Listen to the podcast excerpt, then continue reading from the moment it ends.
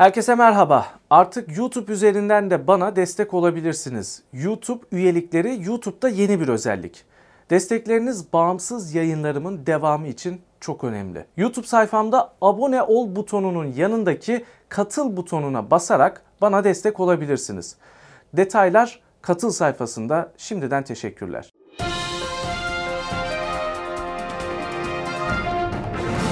10. Köy'den herkese selamlar. Avukat Sayın Kemal Uçar'la birlikteyiz. Hoş geldiniz. Teşekkür ediyorum. Hoş bulduk Çağlar Şimdi başlamadan bir duyuru yapalım. Artık pazartesi ve cuma günleri rutin program yapacağız. Evet. Haftanın başında ve sonunda. En güzeli. Sadece hani siz hep kamuoyunda e, girip çıktığınız o davaları anlatıyordunuz ya. Evet. Onları değil gündemi de değerlendireceğim sizinle. Çok iyi olur.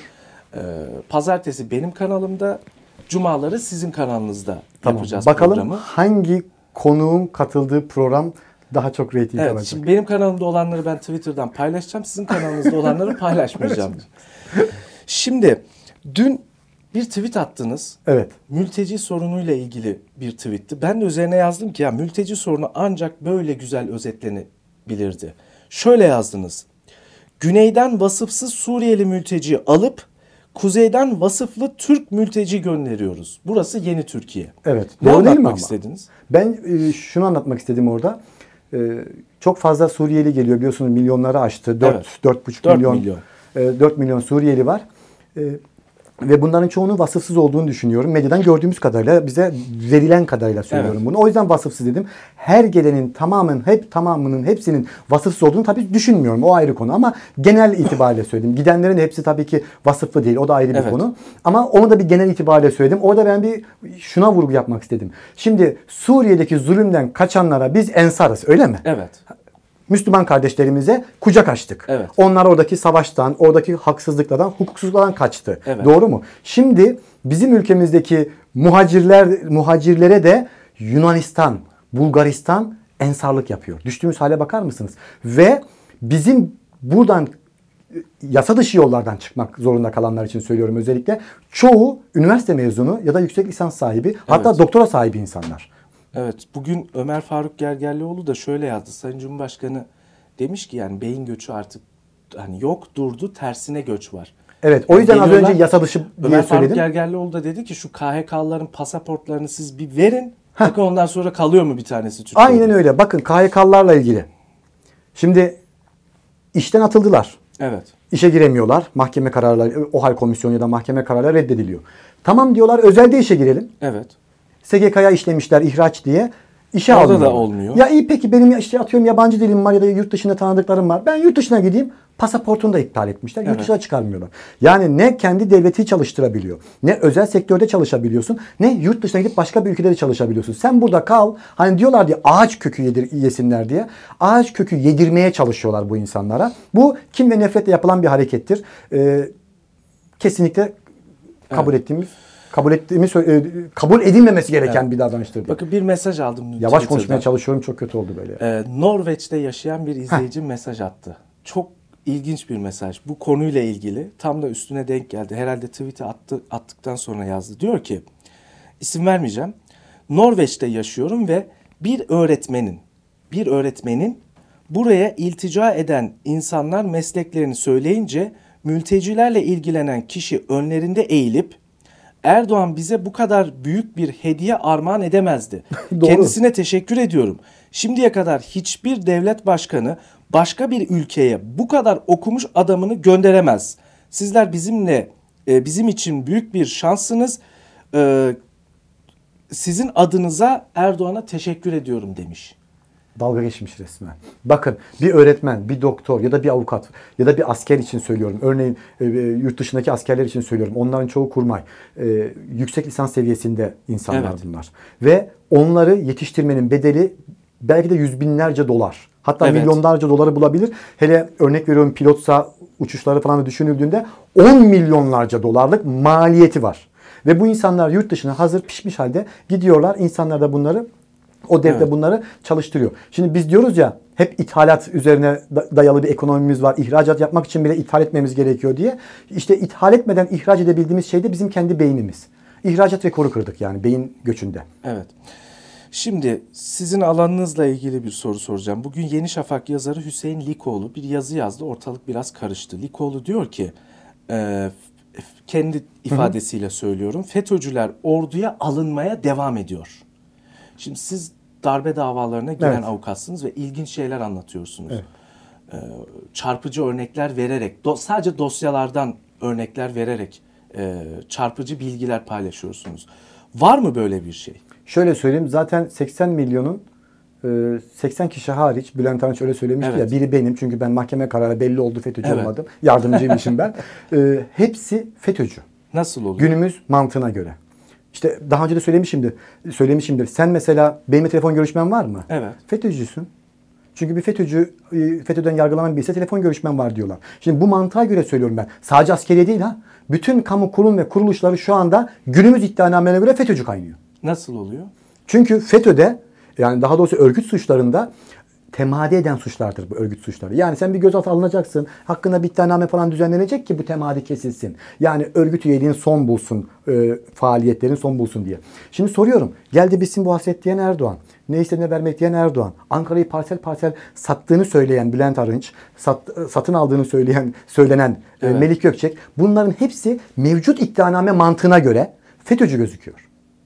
Yani demek istediğim sadece askeriye değil ki Ya siyasetimizde en azından yardım yataklık var. Hani Ya- üyelik olmasa bile. üyelik olmasa bile diyelim hadi yardım diyelim. O o da bir suç. Yani- Siz de o suçu işlemişsiniz ben, ya. ben, Hani. ben de yardımdan şimdi duruşmalara Evet. girdim sadece parsel parsel hiçbir yere satmadım ben. Demek istediğim şu iddianame mantığına göre günümüz hukuksuzluğuna göre günümüz yargılan, yargı mensuplarının bakış açısına göre söylüyorum. Türkiye'de herkes FETÖ'cü arkadaşlar. O yüzden sadece askeriye değil. Ha askeriyeye ayrıca özel cemaat sempatizanı dediğimiz günümüz FETÖ kavramı cemaat içe girdiği için söylüyorum. Onlar alınıyor mu derseniz alındığını düşünmüyorum. Ama şimdi ilginç şeyler anlatmıştınız geçmişte yani. Evet. Mesela gemiyi kaldıran e, geminin birinci komutanı, Komutanı. beraat ediyor.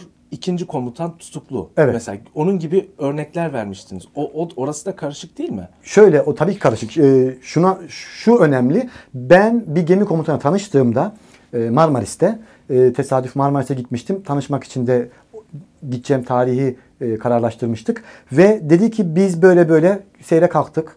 Terör var dediler. Yolda emir vereceğiz dediler. Gökova'da bekle dediler. Sonra geri çağırdılar bizi dediler. Dedim ki kim size bu emri verdi? Aykar Tekin dedi. E, Aykar Tekin deyince kim dedim o nerede tutuklu mu ne yapıyor? Yok dedi Ay- Aykar Tekin eski kumpas davalarının sanığı. O zaman komutanım siz rahatsınız dedim. Size hiç kimse bir şey yapamaz dedim. Nasıl? Yani eski balyoz sanığı Evet. e, Emir veriyor. Gemileri Emir seyre kaldırma emri. gemiyi seyre kaldırmak darbeye teşebbüs. Değil mi? Olması lazım. Gölcük Olması donanma lazım. davasında böyle gözüküyor. Ha, evet. Ya, bu, bu emri veren resmi olarak mı? Resmi o mi? tabii tabii tabii. Bu emri veren darbeye karşı emir vermiştir Yazılı diye. emir mi? Darbe emrini vermiş yok sözlü. Hayır hayır. Gemiyi kaldırın emri. Sözlü, sözlü. İnkar ediyor mu bunu? İnkar etmiyor canım. Bir şeyde donama davasında da Levent Kerim Uça söylüyor zaten hücum botlarında. Gene sözlü emirle Firari Ayhan Baydan. kaldırmış, kaldırın demiş. Çünkü terör ihbarı var diye kaldırıyor. Ha. Ama darbe olduğu anlaşılınca geri çekiyor. Peki gemiyi gemide kaç komutan var? Gemi komutanı ve ikinci komutan. iki tane komutan Tamam, ne var oldu toplam. onlar? Gemi komutanı ve ikinci komutan ikisi de ihraç oldu. Ee, gemi komutanı takipsizlik aldı. İkinci komutan da Baylok'tan tutuklandı sonra tahliye edildi. Yani ve e, tahkikat raporunda şöyle söylüyor. O gemilerin seyre kalkması sanki normalmiş. Emir komutuya uygunmuş, suç değilmiş. Ama personellerinin soruşturulması gerekiyormuş diyor. İyi de o zaman emri veren niye soruşturulmuyor? Ha, emir komutaya uygunsa o zaman diğer alttaki bütün askerlerin soruşturulması lazım. Yani Üsttekilerine insanların- soruşturulması Ha, lazım. tabii. Mesela Aykar Tekin'e soruşturulması lazım ama tabii o soruşturulmadı ama terfi de almadı e, Ay- Aykar Tekin. Ee, yani şöyle söyleyeyim. O askerin de mesela eşi öğretmen diye 2010 KPSS'ye girdi diye ki 2010 KPSS'ye giriyor ama o e, iptal edilen eğitim bilimleri vardı ya. evet. Eğitim bilimleri genel kültür müydü? İptal edilen o iptalden sonraki sınava giriyor tekrar. Daha önce kazanamadığı yeri kazanabiliyor. Yani başarısını arttırıyor, puanını arttırıyor.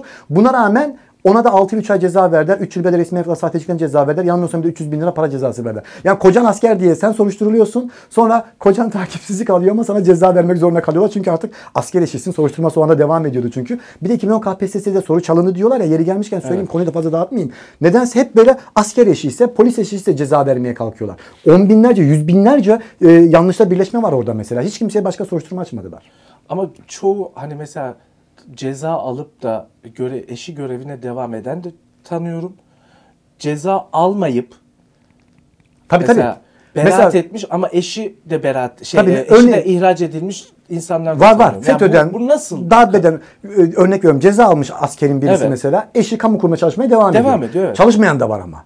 Sorgusuz sualsiz atılan da var. koca ihraç da çok. Karı koca ihraç da. Hele orduda çok o mesela. Orada çok hatta işte en, en basiti şey Mehmet Dişli.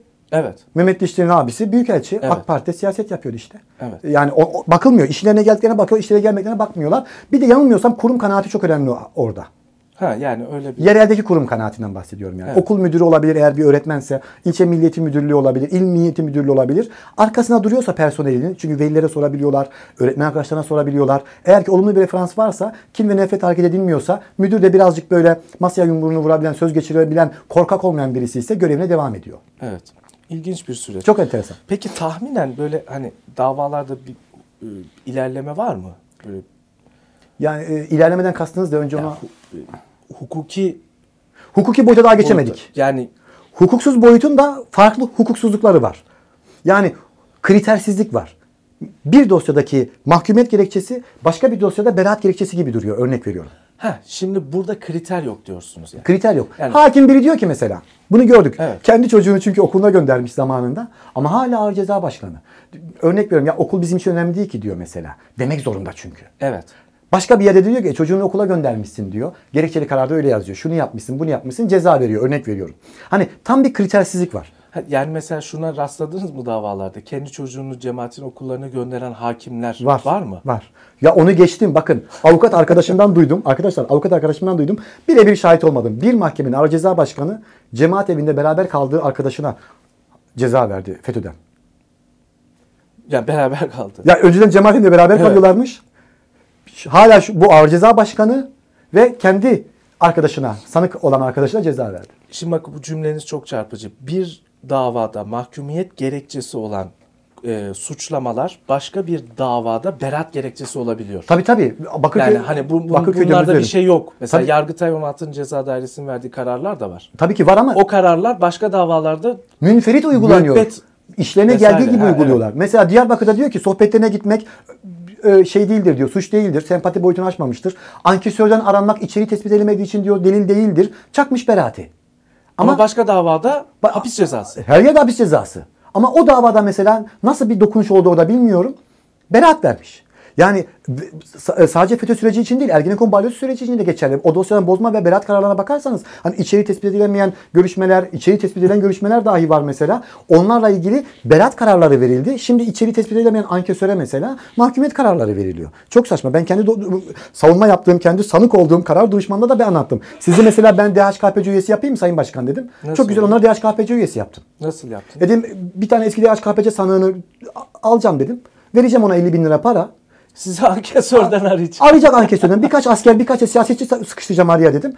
Ara sırada ardışık olarak kendi arkadaşlarını ara DHKPC'den yargılanmış geçmişte. Hüküm Ha, onları giymiş da aratacak. Ara sıra da onları ara. Ara sıra onu ara. Ara dedim su siparişi ver. Aa yanlış numarada kapat. Bazen sapıklık yaptım. Hani Çaldı de olsa kapat. içeriği de tespit şey tespit edilmesi de edilecek ya. ceza veriyor. Tabii sonra iki, iki sene sonra git emniyete. Ben sana bir 50 bin lira daha vereyim. Ondan sonra etkin şuradan faydalanacaksın. İçeri de girmezsin. De ki benim vicdanım rahatsız. Yargıda, emniyette, e, askeriyede ve siyasette DHKPC'liler vardı. Alın de bu numaradan ara, arattırıyordum. Çok de. iyi kumpas kurulabilir yani. Çok iyi kumpas kurulabilir. Sonra bunu anlatan atabilirse Sayın Başkan dedim. Alın demişse DHKPC üyesi oldunuz.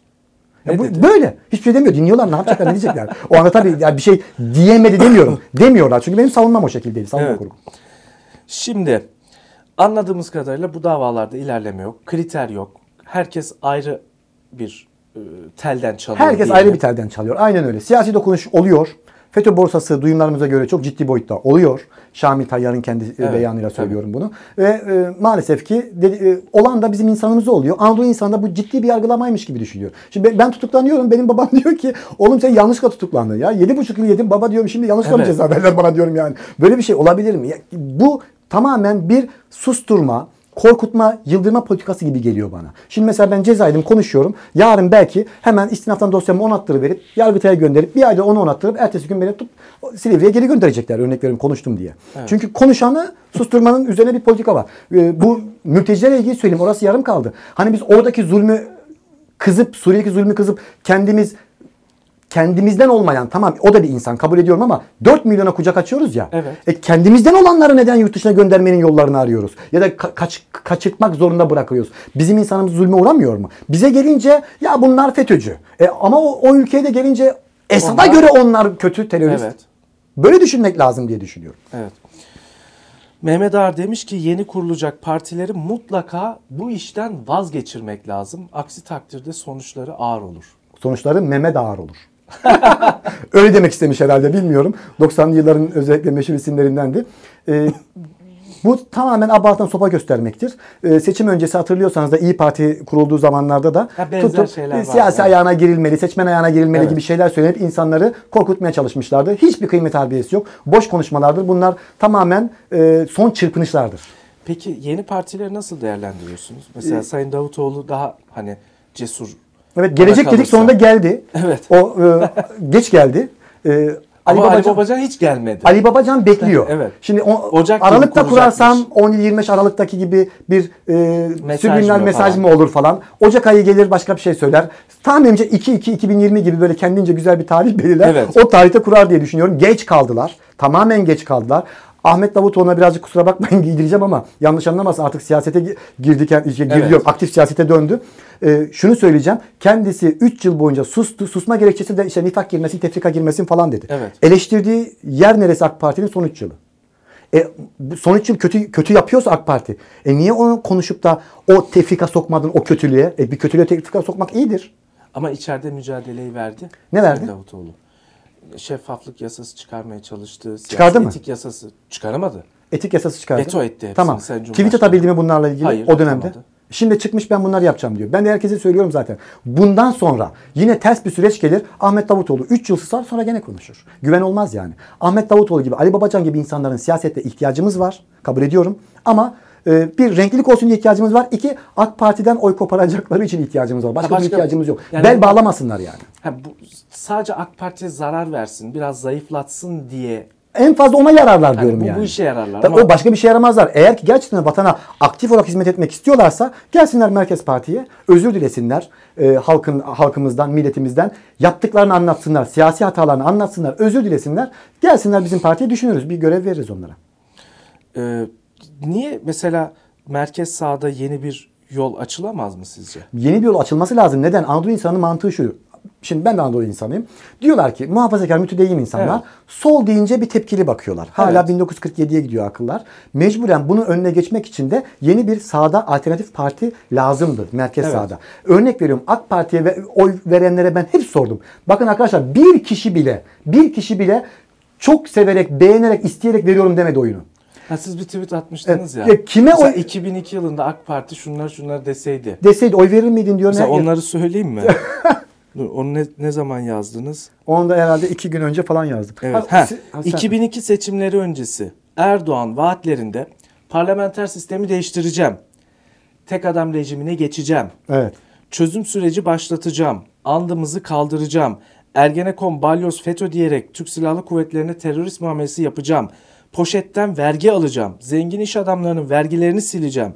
Birçok kar eden kurumu zararına özelleştirip sonra zararını karşılayacağım. Hamile bebekli başörtülü bacılarımızı tutuklatacağım. Muhalif medyayı ve kişileri susturacağım. İstanbul'a ihanet edeceğim. Herkes gelip beni kandıracak deseydi yine oy verir miydiniz diye yazdınız. Doğru değil mi ama? Evet. Ya bunları yapacağım yapacağım. Bu- Deseydi. bunlar- evet. Bunların çoğunda yapıldığına inanıyorum ben zaten. Ergenekon Balyozca silahlı kuvvetler zayıflatılmadı mı? Evet. Örnek veriyorum. E, kar kurumlar dahi özelleştirilmedi mi? Evet. Başörtülü bacağımız cezaevine süründürülmüyor mu? Evet. E, kendi ağzıyla ben kandırılıyorum demiyor mu zaten? Evet. Yeri, yeri geldi? E, hala bunda Türkiye Cumhuriyeti yazılarını bazı yerden kaldırmaya çalışmadı mı? Evet. Rejimi değiştirmeye çalışmadılar mı? En azından Cumhurbaşkanı hükümet sistemi direkt sistemi değiştirdik biz rejimi değiştirmedik dediler. Ya bunların hepsi zaten başımıza gelmedi mi? Evet. E, ben bunu babama sordum. Evet. Oy vermezdim Diyor. dedi. E tabi şimdi ne vermesin? Ama o, oğlum diyor o zaman farklıydı diyor. Şimdi farklı. Baba dedim ne farklı? E, Televizyon sana algıyı oluşturuyorlar sen ona inanıyorsun. Olay bundan ibaret. Az önce bir sorum yar- cü- cümlem yarımda kaldı. Yarım, yarım kaldı. Ne? Ha şu. AK Parti seçmene soruyorum. Kime oy veriyorsun? AK Parti'ye diyor. Eyvallah diyorum. Neden AK Parti'ye oy veriyorsun diyorum. Soru bu arkadaşlar. Neden AK Parti'ye oy veriyorsun? İlk verdikleri cevap ne biliyor musunuz? Ne? Oy verecek parti mi var? Yani memnunum demiyor yani. Ha evet. Oy verecek partiler. Ya şunu güzel yapıyor bak ne doğru işler yapıyor. Evet evet eskiden bu deniyordu. Evet. 2002'de, 2003'te, 2005'te. Şimdi ilk cümle bu. Oy verecek parti mi var? O yüzden merkez sağda başka partilerin varlığı önem arz ediyor. Çünkü Anadolu insanı AK Parti oy vermezse biraz belki MHP'ye kayabiliyor. Evet. Millet İttifakı'ndan İyi Parti'ye kaymak istese işte dışarıdan HDP destekliyor mantığı oluyor. Sol var CHP var mantığı oluyor. Örnek veriyorum. O yüzden de ister istemez AKP'de konsolide olabiliyorlar. O yüzden Davutoğlu'nu ve Ali Babacan'ı istemiyorlar. Ben merkezde bir e, ittifak istiyorum. Merkez Parti'nin, Babacan'ın, Davutoğlu'nun olduğu, gerekli Evet. Saadet Partisi'nin, İyi Parti'nin olduğu merkezde bir e, ittifak AK Parti'yi darmadağın eder diye düşünüyorum. Evet. Son olarak bu cezaevindeki bebekleri konuşmak lazım. Cezaevindeki Sosyal- bebekleri. Kaç bin, bine yakın bebek Evet var. 864 falan da ama haberi Evet. liste güncelleniyor mecburen. Yeni tutukluklar ortaya çıkıyor. Ee, o bebeklerin zaten mevzuata göre tutuklanmaması gerekiyor o ailelerin, hamile kadınların, sütten kesilmemiş bebeği olan kadınların. Fakat günümüzde hukuk uygulanmadığı için e, artık bu normalmiş gibi geliyor. Hatta e, Ömer Faruk Gergerlioğlu bu konuda çok fazla uğraşıyor. Aktif siyasetçi olarak meclisteki. Meclis dışında olmayan, e, meclis dışında olan siyasetçilerden de e, Abdurrahim Kars'ı çok mücadele veriyor. Özellikle KHK ve diğer e, ha- haksızlıklarla ilgili, hukuksuzluklarla ilgili. Ve birisi tahliye o zaman çok seviniyoruz mesela. Evet. Ya o niye tutuklandı ki zaten? Ya bunu düşünmemiz lazım. Epilepsi hastası tutuklu. Bakın şunu söyleyeyim çok özür dilerim. Evet. Ee, arkadaşlar geçen benzin alıyorum. Birisi Tamam. Kemal Bey diye bağırdı bana. Döndüm bir arkama baktım tanımadığım bir bayan. Evet. Buyurun dedim. Siz beni tanımanız ama dedi ben kendimi tanıtayım dedi. Ben dedi akademi dosyasında yargılanan şu askerin hatta söyleyeyim Mustafa Özcan Çay. Askerin dedi eşiyim. MS hastası.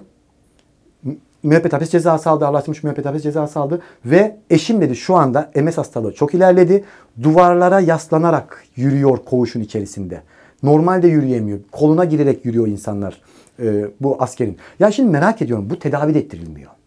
Bu asker. Hayır, as- doktor, hastaneye göndermiyorlar. Ya bir örnek veriyorum. Bir gidiyor geliyor tamam diyor yeter sen doktoru gördün diyorlar mesela. Bu kadar.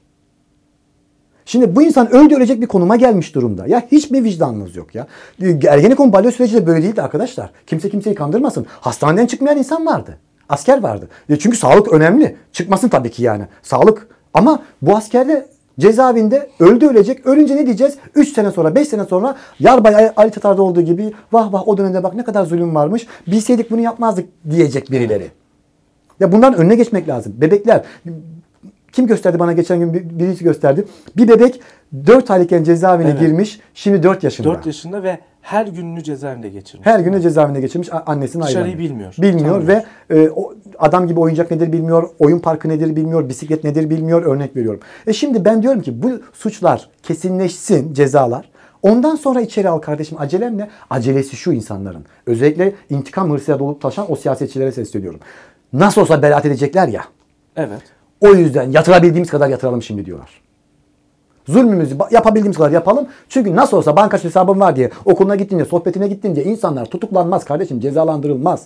O yüzden de şimdi yatırabildiğimiz kadar yatıralım. Sonra bir ara affederiz diyorlar. Evet. Çok teşekkür ediyorum. Ben teşekkür ediyorum. Cuma günü sizin kanalınızda. Cuma günü ama Cuma günü şehir dışındayız. Aa, tam orada, Orada yaparız. Orada yaparız. Mersin'e gidiyoruz, Mersin'e gidiyoruz arkadaşlar orada yaparız. Tamamdır. Yani mecbur Deniz kenarında ya da denize nazır Evet. bir manzarada. Tamam öyle tamam. yapalım. Anlaştık. Çok sağ olun. 10. köy noktalıyoruz. Şimdilik hoşçakalın. Hoşçakalın.